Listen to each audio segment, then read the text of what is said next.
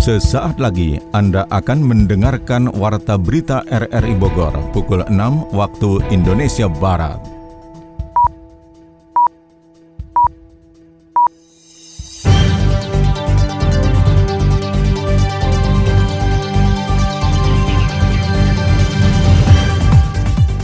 Selamat pagi, Saudara, Warta Berita Akhir Pekan RRI Bogor kami isi dengan rangkuman berita sepekan Minggu 4 Juli 2021.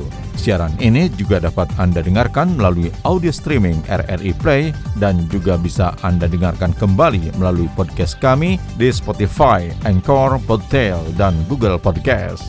Rangkuman berita sepekan RRI Bogor ini juga turut disiarkan Radio Tegar Beriman Kabupaten Bogor. Bersama saya Mukhlis Abdillah, inilah rangkuman berita sepekan selengkapnya. Saudara, rangkuman berita sepekan kita awali dari pembatasan kegiatan masyarakat PPKM darurat di wilayah Jawa Barat dan Bali. Mulai kemarin hingga 20 Juli mendatang, pemerintah pusat resmi memperlakukan pembatasan kegiatan masyarakat PPKM darurat di wilayah Jawa dan Bali. Terkait ini, Presiden Jokowi mengingatkan situasi dan kondisi perkembangan pandemi COVID-19 dalam beberapa pekan terakhir sangat cepat, salah satunya disebabkan adanya varian baru virus corona yang menjadi persoalan serius di banyak negara. Situasi yang ada mengharuskan pemerintah mengambil langkah yang lebih tegas guna membendung penyebaran virus tersebut di tanah air. Setelah menerima masukan dari para menteri, para ahli kesehatan, dan para kepala daerah, ia ujar Presiden memutuskan untuk memperlakukan PPKM darurat terhitung tanggal 3 hingga 20 Juli 2021 khusus di daerah Jawa dan Bali. PPKM darurat ujar Jokowi akan meliputi pembatasan-pembatasan aktivitas di masyarakat yang lebih ketat dibandingkan PPKM skala mikro yang selama ini diberlakukan. Tim gugus tugas COVID-19 Kabupaten Bogor siap menerapkan PPKM darurat Jawa Bali yang diinstruksikan Presiden mulai kemarin hingga 20 Juli mendatang seperti dilaporkan Yofri Haryadi itu sifatnya perintah yang harus kita laksanakan. Jadi tidak ada lagi tawar-menawar ataupun diskusi. Tim gugus tugas COVID Kabupaten Bogor siap menerapkan program pembatasan kegiatan masyarakat mikro PPKM darurat Jawa Bali yang diinstruksikan Presiden mulai 3 hingga 20 Juli nanti. Pemkap Bogor bersama dengan unsur kepolisian dan TNI siap memperlakukan PPKM darurat sesuai aturan yang ditetapkan, yakni aktivitas perkantoran ditetapkan bekerja di rumah atau work from home 100%. Sementara sektor esensial seperti keuangan, perbankan, perhotelan non-karantina melayani hanya 50% jumlah pegawai termasuk pengurangan pelayanan kepada konsumennya. Dalam kunjungan kerjanya memantau kesiapan rumah sakit di Kabupaten Bogor, Bupati Bogor yang juga ketua gugus tugas COVID-19 di Rumah Sakit Sentra Medika Cibinong mengatakan selain mengatur WFH dan jam operasional, beberapa faktor lain yang menjadi atensi Bupati Bogor adalah ketersediaan obat vaksin untuk pasien COVID, termasuk bantuan sosial bagi mereka yang terdampak. PPKM darurat eh, karena ini perintah ya kemarin kan kita sudah uh, pasti semua tahu rapat koordinasi dengan Pak Menteri Maritim dan Investasi dan beberapa menteri itu sifatnya uh, perintah yang harus kita laksanakan. Jadi tidak ada lagi tawar menawar ataupun diskusi. Itu yang kita hanya mengadopsi dari apa yang sudah diatur oleh uh, pemerintah pusat. Ya dari pemerintah pusat juga nanti yang kita dengar kemarin dari rapat katanya mereka akan juga menganggarkan bansos. Dari kami sebetulnya kita sudah ada apa namanya padat karya ya. Sementara itu, gugus tugas COVID dari Dinas Kesehatan Dedi Sarif menambahkan upaya meningkatkan target vaksinasi kepada 20% warga Kabupaten Bogor atau sekitar 1,2 juta warga terus dilakukan di puskesmas dan selama satu pekan ke depan vaksinasi massal di Stadion Pakansari dipindahkan ke puskesmas dan desa. Stok vaksin yang dimiliki Dinas Kesehatan hingga hari ini hanya sebanyak 13.000 vial dan sedang diusulkan penambahan. Vaksin banyak ya, cuma kita sekarang lagi lagi semua kan apa perkantoran kan oh. instruksi bupati kan uh untuk dilakukan lockdown. Jadi ya, kita menghindari kerumunan dulu seminggu mm. ini sesuai dengan si bupati. Nah, kalau kita tetap lakukan vaksinasi di Pakansari, mm. nanti malah transmisinya nggak benar vaksinasi mah tetap jalan di puskesmas. Saat ini ada 243 kasus baru pandemi COVID-19 di Kabupaten Bogor. Sementara jumlah keterisian pasien COVID di rumah sakit daerah rata-rata di atas 60 persen. Dan seluruh rumah sakit swasta di Kabupaten Bogor menyediakan hingga 80 persen ruang isolasi dan perawatan untuk pasien COVID mengantisipasi lonjakan pandemi COVID-19.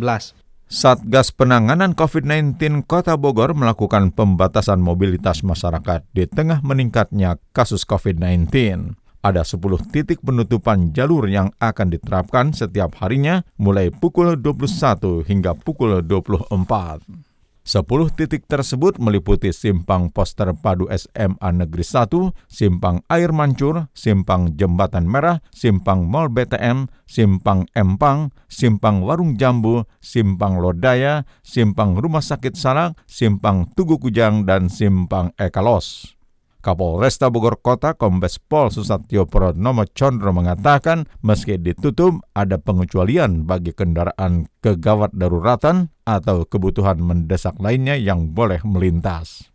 Sementara itu, Wali Kota Bogor Bima Arya menegaskan kondisi Kota Bogor sudah darurat.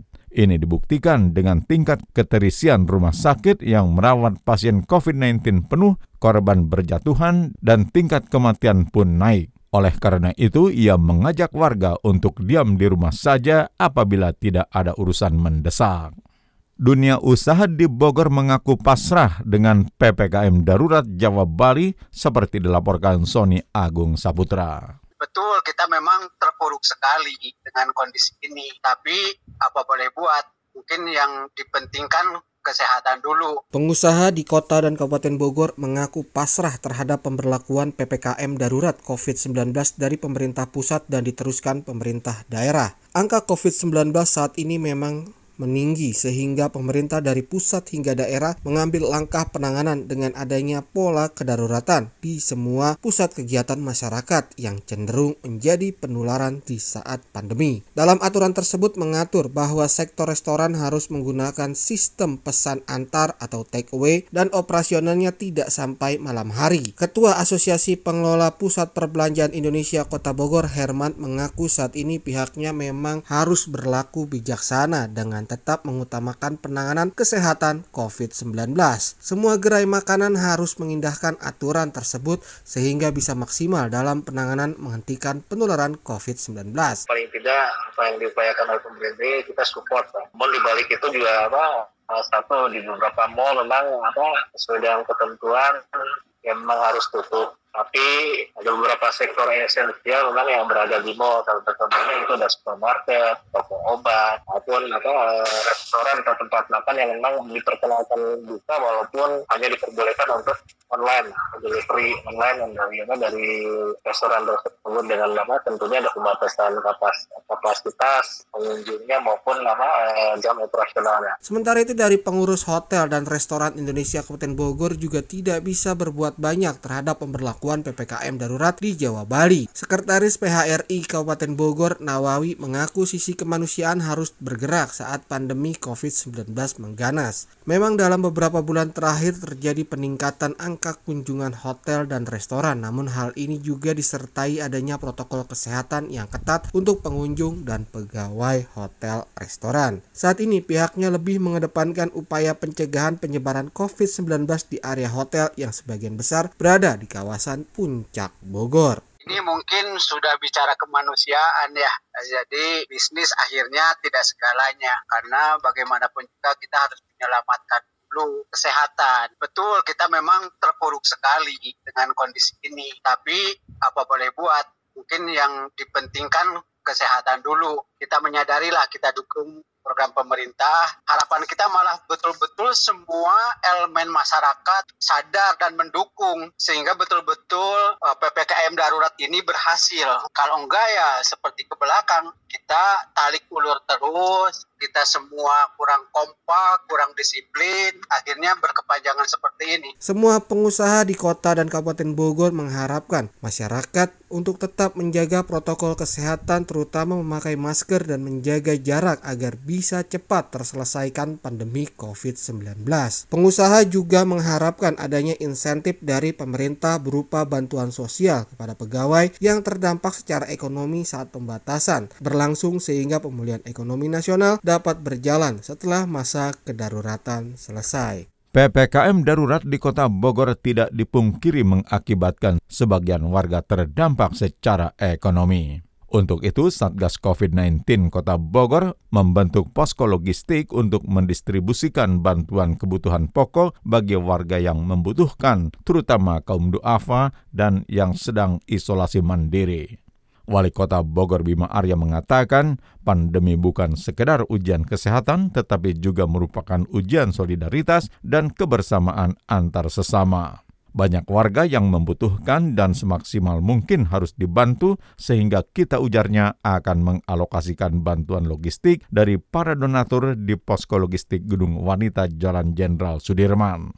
Bima pun mengajak aparatur sipil negara ASN di lingkungan Pemkot Bogor, perusahaan-perusahaan yang ada di kota Bogor atau perorangan serta komunitas untuk ikut berpartisipasi dalam gerakan bersama saling menjaga. Sumbangan bisa dalam bentuk bahan pokok seperti beras, gula, minyak goreng, makanan kaleng, mie instan, vitamin, susu, hand sanitizer, masker atau bisa dijadikan satu paket untuk memudahkan distribusi langsung ke rumah warga. Bima juga meminta camat dan lurah berkoordinasi dengan RT RW untuk pendistribusian logistik bagi warga yang membutuhkan. Bagi warga yang sangat terdampak namun belum mendapatkan bantuan, bisa menghubungi kelurahan di wilayah masing-masing. Saya, Marskal Pertama TNI Eding Sungkana, Komandan Lanut Atang Senjaya, bersama RRI Radio Tangga Bencana COVID-19. Mari kita semua bersama-sama memutus mata rantai penyebaran COVID-19 dengan cara sering cuci tangan secara teratur, hindari menyentuh area wajah, hindari kerumunan atau keramaian, jaga jarak aman dengan sekitarnya. Usahakan bekerjalah dari rumah, ibadah di rumah, Selalu gunakan masker apabila terpaksa keluar rumah. Dan yang tidak kalah pentingnya, mari kita sama-sama berdoa kepada Allah Subhanahu wa taala agar bangsa Indonesia segera terbebas dari virus corona. Ayo lawan corona bersama kita bisa. Saudara Anda tengah mendengarkan rangkuman berita sepekan dari Radio Republik Indonesia Bogor. Tenaga kesehatan rumah sakit di Bogor kewalahan menerima pasien COVID-19. Catatan selengkapnya disampaikan Sony Agung Saputra karena banyak banget karena saya khawatir nih karyawan kita ini banyak yang terpapar ya Pak. Tenaga kesehatan di sejumlah rumah sakit di berbagai wilayah kota dan Kabupaten Bogor mulai kelelahan dalam menghadapi pandemi COVID-19 dengan banyaknya pasien yang berdatangan untuk mendapatkan pertolongan. Pasien tersebut berdatangan dari berbagai wilayah Bogor bahkan dari luar daerah juga datang ke RSUD di sejumlah wilayah kota dan Kabupaten Bogor. Hal itu berdampak pada ketersediaan tempat tidur di rumah sakit milik pemerintah daerah setempat menjadi berkurang. Direktur Rumah Sakit Umum Daerah RSUD Cibinong Dr. Eko mengungkapkan saat ini semua tenaga medis sudah tercurah tenaganya untuk melakukan penanganan pasien yang datang silih berganti setiap harinya. Tingkat ketersediaan kamar pun menjadi menipis. Dari sekitar 350 tempat tidur yang tersedia saat ini sudah hampir terisi seluruhnya. Bahkan pihaknya juga menyediakan tempat tidur cadangan di tenda darurat dari BNPB untuk menampung mereka dalam penanganan COVID-19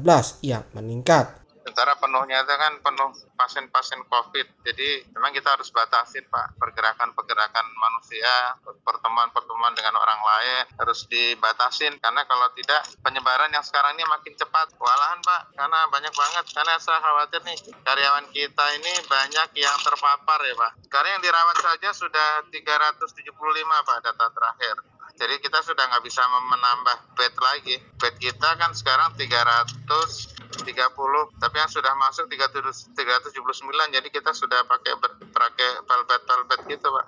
Oksigen, nah kita kewalahan juga pasokannya kadang-kadang agak lambat. Kadang-kadang kalau kalau sekarang sudah mulai lancar ya, karena kita juga punya mesin generator oksigen ya, jadi agak terbantu juga, tidak terlalu tergantung dengan pihak ketiga. Hal serupa juga dialami RSUD Kota Bogor, di mana angka keterisian tempat tidur khusus COVID-19 juga sudah mencapai ambang batas, sehingga para medis pun harus berjibaku untuk menyelamatkan jiwa pasien dengan tetap khawatir terpapar virus tersebut. Untuk itu, pemerintah Kota Bogor juga menyiapkan regulasi pemberlakuan PPKM darurat yang menjadi acuan dalam penanganan COVID-19 dalam dua pekan ke depan. Kabak Hukum Pemkot Bogor Alma Wiranta menyebutkan sudah ada aturan yang lebih mengikat untuk membatasi mobilitas dan menghindari kerumunan masyarakat. Terdapat aturan untuk rumah makan dan restoran baik itu di gedung atau kaki lima harus memperhatikan regulasi tidak boleh makan di tempat dan adanya pembatasan jam operasional. Surat surat instruksi Mendagri pelaksanaan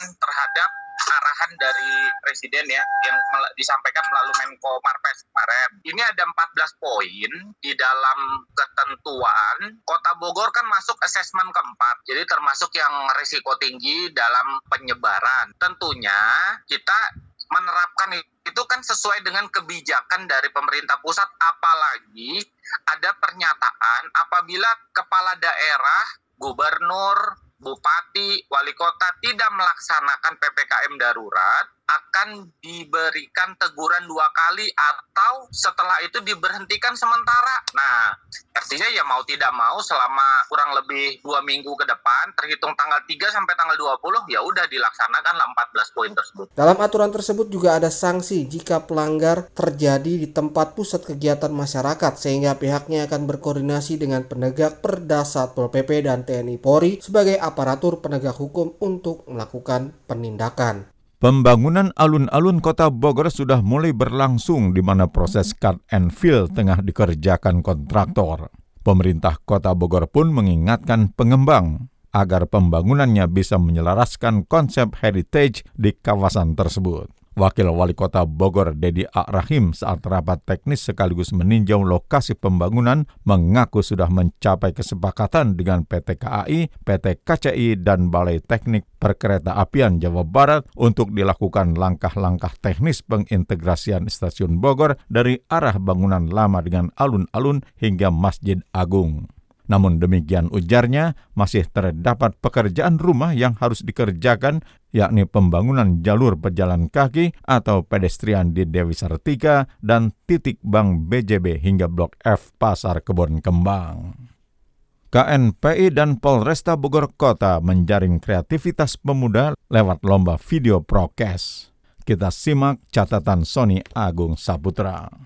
Panitia Lomba Protokol Kesehatan HUT Bayangkara ke-75 menjaring dan menampilkan 14 video kreatif dari generasi muda, elemen mahasiswa dan pengurus kecamatan di DPD KNPI Kota Bogor. Ketua DPD KNPI Kota Bogor Sabta Bela mengungkapkan saat ini pihaknya melakukan terobosan dalam menciptakan kesadaran pemuda dalam memahami protokol kesehatan melalui video konten kreator. Pemenangnya akan dilihat dari sisi kreativitas dan jumlah video yang dilihat penonton atau viewer terbanyak. Kami sudah melakukan pencurian dari acara video kreatif HUT Bayangkara berkolaborasi dengan KNPI kita sudah mendapatkan tiga pemenang dan empat sorry empat empat pemenang dikarenakan yang juara tiganya itu sama penilaiannya akhirnya kita menilai dari viewernya. Kepala Dinas Pemuda dan Olahraga Kota Bogor Heri Karnadi mengungkapkan rasa bangganya kepada generasi muda yang sudah mengkampanyekan protokol kesehatan di tengah mengganasnya pandemi COVID-19 melalui konten kreator video. Nantinya video tersebut akan disebarluaskan ke berbagai kalangan dengan menggunakan berbagai platform media sosial. Intinya kan nggak hanya konten kreatif yang dibuat, tapi setelah juara-juara ini muncul, video tadi akan disebarluaskan dipertontonkan pada masyarakat ya kan baik itu di IG Pemkot, IG KNPI mungkin IG Dispora, Kapolresta segala macam dan kalau ada acara-acara yang lainnya pun akan disampaikan. Jadi ini video yang dibuat oleh anak muda yang temanya juga anak muda gitu loh. Sementara itu Kapolresta Bogor Kota Kombes Pol Susatyo Purnomo Condro mengaku bangga dan mengapresiasi konten kreator dari generasi muda Kota Bogor yang berhasil menyajikan kreasi dan inovasi terkait kampanye protokol kesehatan dengan video yang menarik dan saya sudah melihat langsung bagaimana video-video yang ikut dalam festival protokol kesehatan ini. Sungguh luar biasa saya apresiasi. Dan semoga ini bisa menjadi semangat kita dalam menghadapi masa-masa sulit di pandemi ini. Tentunya sebagai para anak muda berkarya dalam apa pun bentuknya bermanfaat bagi masyarakat Kota Bogor. Menang lomba tersebut akan mendapatkan sejumlah hadiah dan piagam penghargaan sebagai bentuk apresiasi kepada mereka yang sudah mengkampanyekan protokol kesehatan di tengah pandemi ini. Masjid At-Taqwa Balai Kota Bogor mulai direhabilitasi sekaligus diperluas dengan dana APBD setempat tahun ini sebesar 2,68 miliar rupiah. Wali Kota Bogor Bima Arya menuturkan Masjid At-Taqwa kapasitasnya sudah sangat terbatas sementara jamaahnya baik dari lingkungan pemerintah kota maupun dari luar terus bertambah. Ia berharap perluasan masjid dapat berjalan lancar sesuai target meski di tengah situasi sulit pandemi COVID-19. Untuk sementara masjid ditutup hingga pengerjaan selesai selama 150 hari kerja sejak peletakan batu pertama 30 Juni lalu. Sebelumnya, Masjid At-Taqwa Balik Kota Bogor seluas 426,4 meter persegi dengan daya tampung di lantai bawah dan atas kurang lebih 500 jamaah. Usai dirhab nanti, daya tampung jamaah masjid lebih kurang 700 jamaah atau ada penambahan 200 jamaah. Pemerintah Kota Bogor membuka seleksi CPNS dan pegawai pemerintah dengan perjanjian kerja atau P3K tahun ini. Ada sebanyak 591 formasi yang dibuka bagi para pelamar. Kepala Badan Kepegawaian dan Pengembangan SDM Kota Bogor Taufik menyebutkan ke-591 formasi tersebut terdiri dari tenaga kesehatan, tenaga teknis, dan pendidik. Untuk CPNS ada 257 formasi terdiri atas 211 tenaga kesehatan dan 46 tenaga teknis. Sementara formasi P3K diperuntukkan 334 tenaga pendidik. Formasi CPNS mulai dari apoteker, dokter, perawat, analisis kesehatan, hingga bidan untuk ditempatkan di berbagai puskesmas dan RSUD Kota Bogor. Dari total formasi tersebut, ada alokasi lima formasi untuk peserta difabel dan tiga formasi untuk peserta cum laude. Sedangkan P3K untuk formasi tenaga pendidik atau guru akan ditempatkan di SD negeri dan SMP negeri. Tahapan pendaftaran dimulai pada 30 Juni hingga 21 Juli melalui website sscasn.bkn.go.id. Tim squash Kabupaten Bogor yang dipersiapkan untuk kualifikasi Porprov 14 Jawa Barat 2021 melakukan uji coba dengan tim dari luar seperti dilaporkan Ermelinda.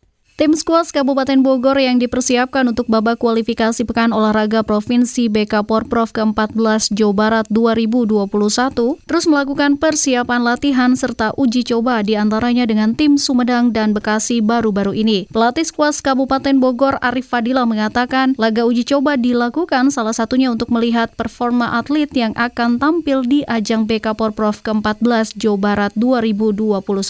Untuk hasil latih tanding kemarin bersama Sumedang dan Bekasi, saya mendapatkan gambaran bahwa kualitas atlet-atlet Kabupaten Bogor ini memang harus lebih ditingkatkan kembali. Nah, makanya itu adalah sebagai tolak ukur pencapaian selama ini kita latihan. Dan untuk uh, skornya mungkin kita bisa lihat uh, tidak terlalu jauh ya. 2-1 skornya. 2 untuk Sumedang dan Bekasi 1 untuk Kabupaten Bogor. Tetapi kita akan berusaha kembali untuk lebih maksimal lagi memajukan putra daerah tersebut supaya lebih baik dari sebelumnya seperti itu. Atlet yang tergabung dalam tim pelacap skuas Kabupaten Bogor masih akan melakoni laga uji coba guna menambah pengalaman dan jam terbang bertanding atlet sebelum bertanding pada BK Porprov 2021. Sementara itu Ketua Umum Pengcap Skuas Kabupaten Bogor Oman Saidiman berharap pihaknya dapat melebarkan sayap pembinaan dan penjaringan calon atlet-atlet andal. Kalau saya sih punya harapan yang pertama ya sederhana intinya kita punya atlet-atlet potensial untuk berkembang mungkin tidak tahun ini tapi untuk berikutnya Karena untuk squash sendiri sekarang kan pusatnya itu hanya di kota Bandung. Atlet Jawa Barat, atlet nasional itu hanya ada di kota Bandung. Karena produsen squash itu hanya di situ satu-satunya. Di tempat-tempat lain nggak ada. Sama yang kabupaten kota lain juga masih merintis untuk yang namanya squash itu. Jadi saya sih punya harapan squash kita di BK bisa bersaing.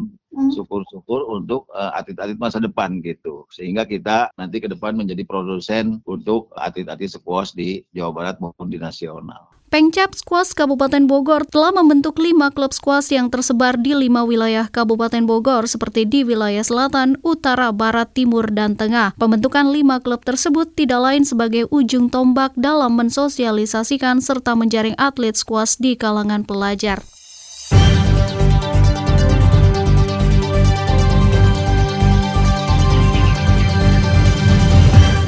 Saudara, demikian rangkuman berita sepekan dari RRI Bogor. Siaran ini dapat Anda dengarkan kembali melalui podcast kami di Spotify, Anchor, Podtail, dan Google Podcast. Saya Mukhlis Abdillah merangkap Desk Editor bersama penata teknik Mahdi Nur mengucapkan terima kasih atas kebersamaan Anda. Selamat pagi.